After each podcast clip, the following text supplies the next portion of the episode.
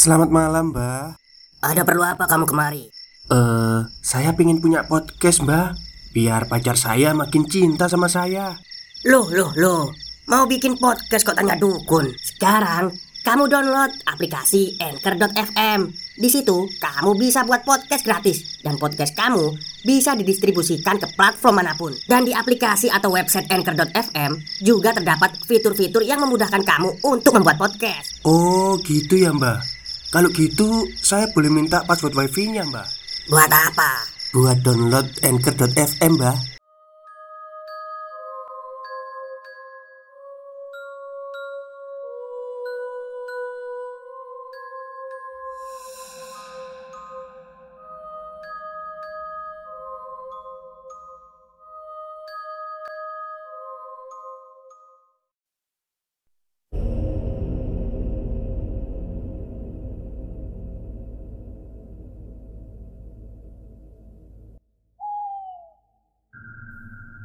Assalamualaikum warahmatullahi wabarakatuh. Halo semuanya Jumpa lagi dengan saya Chow Sing Sing Kurator dari podcast Horror Night Story. Halo apa kabar semuanya? Semoga kalian semua sehat-sehat ya. Dan seperti biasanya pada malam hari ini saya kembali Dan akan menghadirkan sebuah kisah mistis untuk kalian semua. Kisah mistis kali ini saya datangkan dari Mas Bri Story yang menceritakan seorang pemuda yang dimintai tolong untuk menjaga rumah pamannya yang ada di Bogor. Seperti apa kisahnya? Mari kita simak. Malam hari dan sendirian. Saat-saat seperti inilah ketika seluruh indera bekerja dengan maksimal. Malah terkadang indera keenam juga berjalan tanpa perintah, merasakan apa yang seharusnya nggak dirasakan. Simak di sini diberi story. Sahur, sahur, sahur, teriakan anak-anak kecil diiringi dengan suara tetabuhan bertalu-talu terdengar dari luar. Ramai jadinya pada jam setengah tiga dini hari. Akhirnya, aku bisa bernafas lega. Selesai semuanya, walaupun mungkin hanya untuk sementara. Setelah sudah cukup waktu untuk menenangkan diri, aku bangkit dari duduk dan melangkah keluar kamar.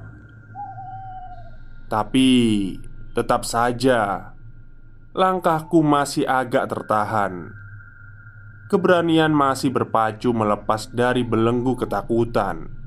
Yang satu atau dua jam yang lalu Memenuhi pikiran dan perasaan.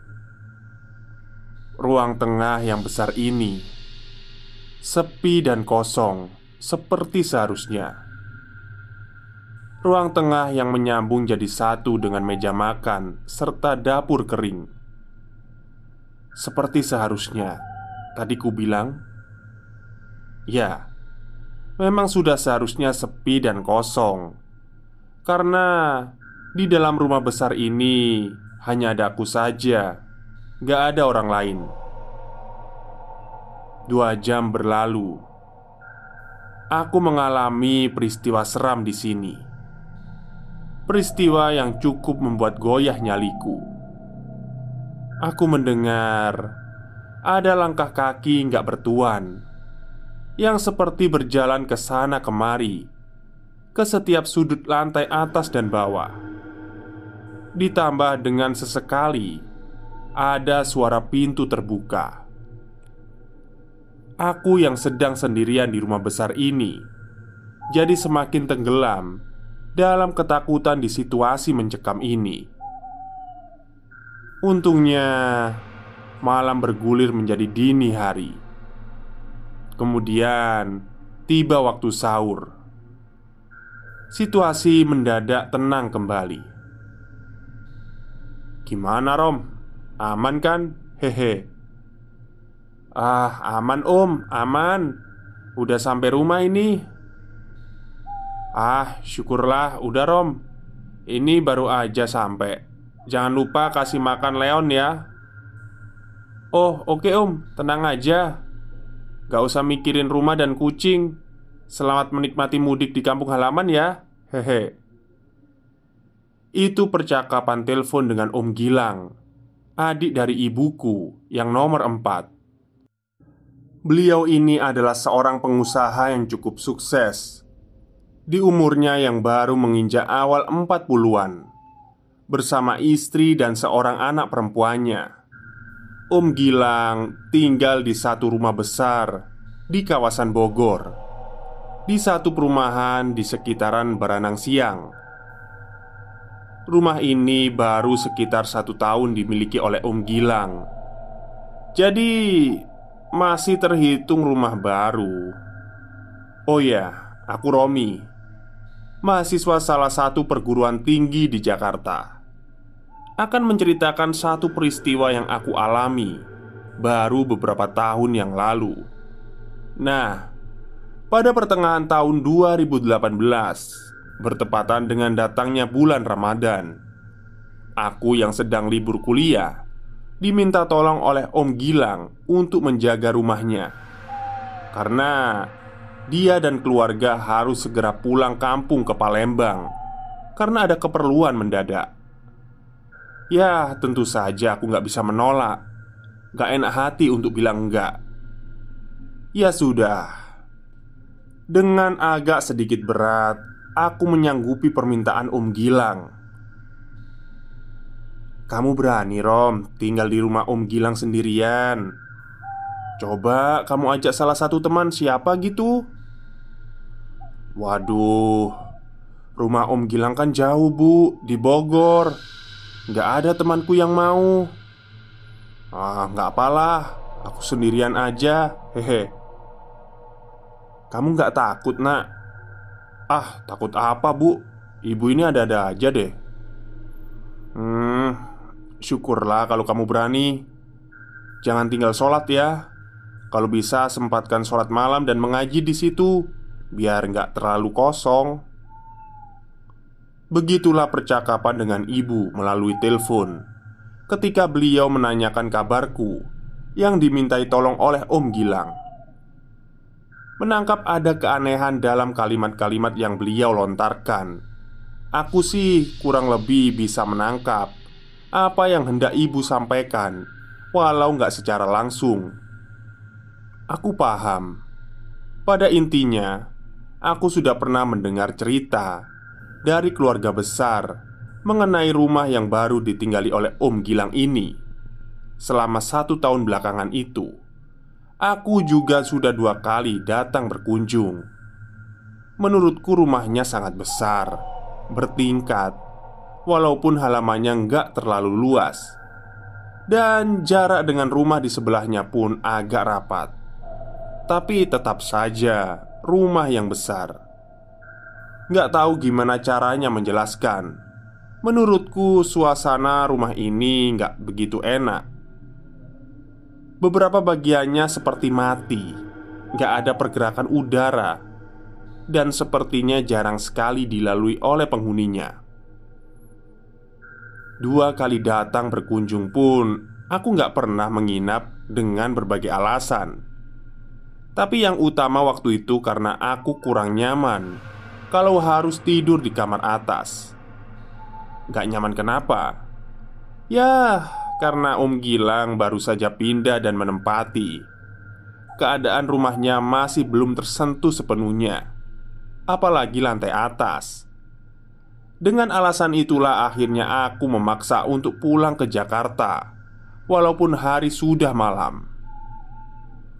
Berhembus cerita juga di keluarga besar Katanya rumah Om Gilang itu angker, ada hantunya. Begitu katanya. Ada keluarga salah satu tanteku yang katanya mengalami kejadian seram ketika menginap di rumah itu. Ada penampakan hantu. Entah apa bentuknya. Adik-adik sepupuku yang masih kecil juga sering kali menangis gak jelas Atau malah gak bisa tidur semalaman Dan juga yang termasuk cukup aneh.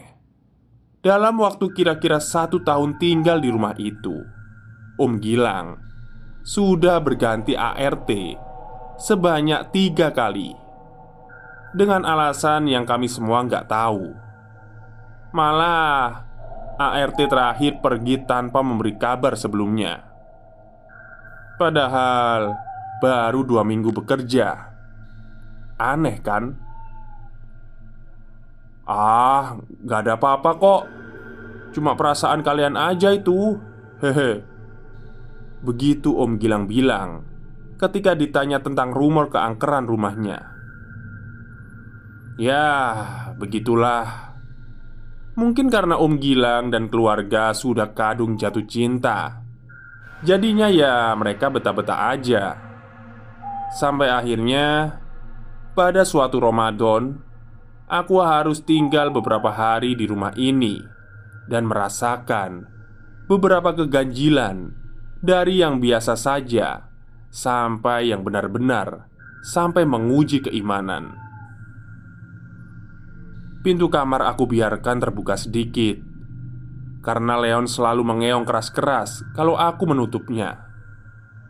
Walau pintu terbuka seperti ini, aku bisa warawiri keluar masuk kamar dengan bebas.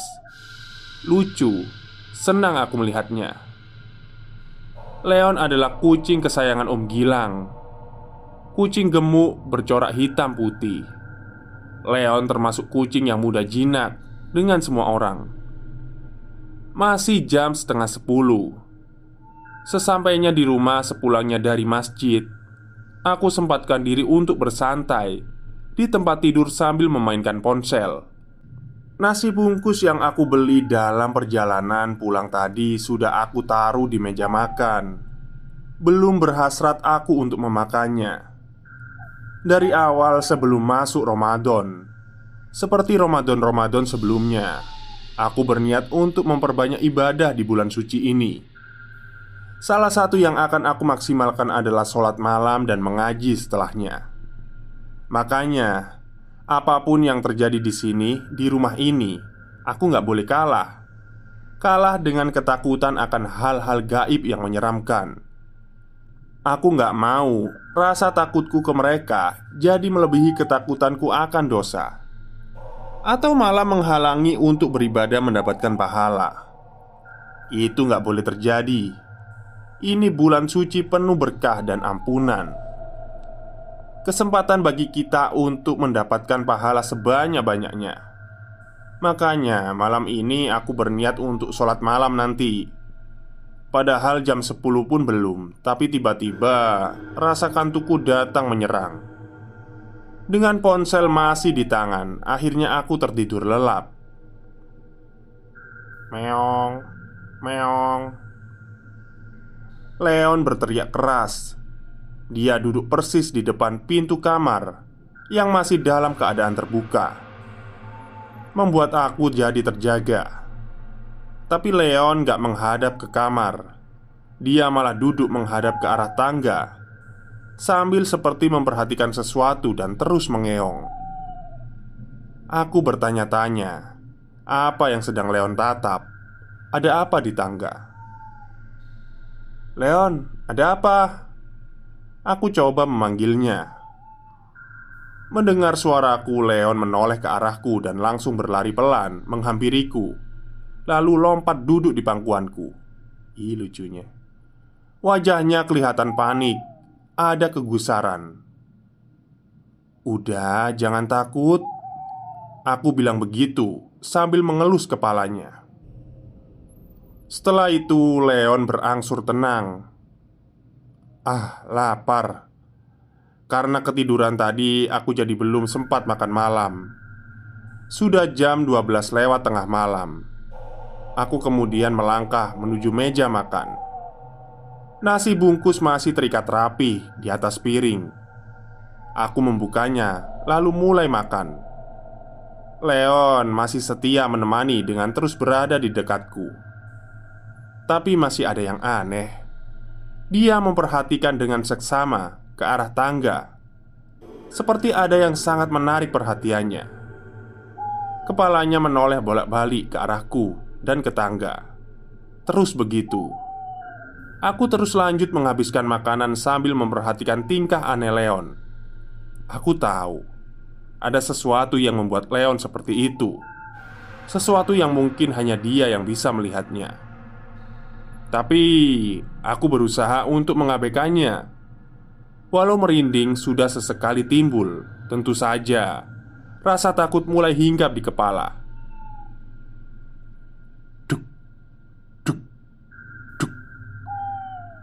Tiba-tiba kedengaran bunyi itu lagi dari lantai atas, sama seperti kemarin. Suaranya seperti langkah kaki yang sedang berjalan. Aku langsung buru-buru menyelesaikan makan, lalu meninggalkan meja makan yang letaknya persis di depan tangga.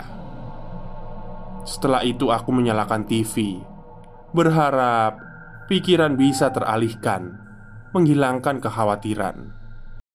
Stop, stop. Kita break sebentar. Jadi gimana? Kalian pengen punya podcast seperti saya? Jangan pakai dukun, pakai Anchor. Download sekarang juga. Gratis. Ketika aku sudah duduk di sofa ruang tengah depan TV, ternyata Leon masih di tempatnya duduk dekat meja makan, menghadap dan terus memperhatikan tangga. Telinganya bergerak-gerak, seperti sedang menangkap suara. Sementara itu, suara masih saja sesekali terdengar. Aku terlihat seperti nggak takut, seperti pemberani. Padahal nggak seperti itu. Aku juga penakut Sangat penakut malahan Gak berani kalau harus benar-benar menghadapi Atau melihat mereka Tapi aku berusaha sebisa mungkin Menghilangkan ketakutan itu Aku sangat berusaha seperti itu Makanya, walau ada tanda-tanda keseraman, aku tetap teguh akan melaksanakan sholat malam ketika jam dinding sudah menunjukkan waktu di pukul satu. Ada getar dalam dada ketika harus melangkahkan kaki menuju kamar mandi di belakang untuk berwudu. Karena dalam perjalanannya, aku harus lewat depan tangga. Tangga yang sepertinya semakin lama semakin menyeramkan. Leon masih di tempatnya, duduk di depan tangga, memperhatikan jalur tangga yang berbelok ke kiri. Oh iya, Sejak sore tadi, aku sengaja menyalakan semua lampu di lantai atas. Jadinya terang benderang sampai ke tangga. Setelah selesai berwudu, aku lalu berjalan lagi kembali menuju ruang tengah. Nah, dalam perjalanan inilah ada sesuatu yang menarik perhatianku. Ketika sudah berada persis di depan tangga, aku melihat Leon masih saja duduk di tempat semula, masih terus memperhatikan tangga. Melihat kelakuan Leon ini akhirnya membuat rasa penasaranku memuncak. Aku kemudian ikut menoleh dan memperhatikan ke arah tangga, mencoba cari tahu apa yang sedang diperhatikan oleh kucing lucu ini. Awalnya, aku sama sekali nggak melihat ada apa-apa. Tangga tentu saja dalam keadaan kosong, gak ada apa-apa, dan gak ada siapa-siapa. Tapi setelah aku perhatikan lebih seksama, ternyata ada sesuatu. Tangga ke lantai atas ini berbelok ke kiri. Jadi, kalau melihat dari bawah, kita nggak bisa melihat langsung ke lantai atas. Hanya bisa melihat dinding di ujung tangga sebelum kemudian berbelok. Eh, paham kan? Nah, Ketika memperhatikan tangga dengan seksama, ternyata aku melihat ada bayangan di tangga. Bayangan itu cukup jelas karena lampu atas itu menyala terang. Aku melihat ada bayangan berbentuk orang yang sepertinya sedang berdiri di ujung lantai paling atas. Aku nggak bisa melihatnya karena ya tadi itu tangga berbelok ke kiri Siapa itu? siapa yang sedang berdiri di atas. Penasaran, khawatirnya itu benar-benar orang yang berniat jahat. Makanya, aku memberanikan diri untuk memaksa kaki melangkah menaiki tangga. Perlahan, aku melangkah satu demi satu anak tangga, sementara bayangan itu masih saja terlihat jelas. Ketika sudah tinggal satu anak tangga lagi, aku langsung menoleh ke arah kiri, ke tangga atas. Dek, ternyata nggak ada siapa-siapa. Aku nggak melihat ada siapa-siapa di atas tangga. Bayangannya juga sudah menghilang, gak terlihat lagi. Beberapa detik kemudian, tiba-tiba aku merinding. Angin dingin entah dari mana berhembus pelan, menerpa wajah dan tubuhku. Apakah itu semua selesai? Belum. Berikutnya, aku mendengar ada suara duk, lagi. Padahal aku nggak melihat siapa-siapa di sana. Mendengar itu semua, aku mengurungkan niat untuk lanjut ke lantai atas, lalu buru-buru untuk turun. Leon gimana? Dia masih tetap di tempatnya, duduk diam di depan tangga, di samping ujung depan ruang tengah. Aku menggelar sajadah. Posisi sholatku menghadap lemari kayu besar yang bagian depannya berbahan kaca tebal. Mencoba untuk khusyuk berkonsentrasi. Aku kemudian memulai sholat malam. Ibadah pada tengah malam seperti ini sudah sering kali aku lakukan. Ini bukan yang pertama kali, tapi kali ini rasanya sangat berbeda. Batinku pontang-panting menahan kegelisahan, mencoba untuk teguh khusyuk. Perasaan takut menyeruak, seperti terus berusaha mengambil alih pikiran.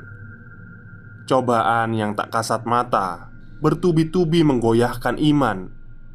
Tapi aku gak menyerah Terus berusaha menegakkan sholat Beribadah Dengan berkonsentrasi penuh. Cobaan semakin menjadi-jadi Ketika pada rokaat kedua Aku merasa akan kehadiran sesuatu Dari pantulan kaca lemari Walau nggak secara langsung Aku melihat ada sosok yang berdiri diam di depan tangga. Tangga yang posisinya berada di belakangku. Sosok ini, walau masih belum jelas, tapi aku melihatnya bentuknya itu seperti laki-laki. Dia berdiri diam menghadapku.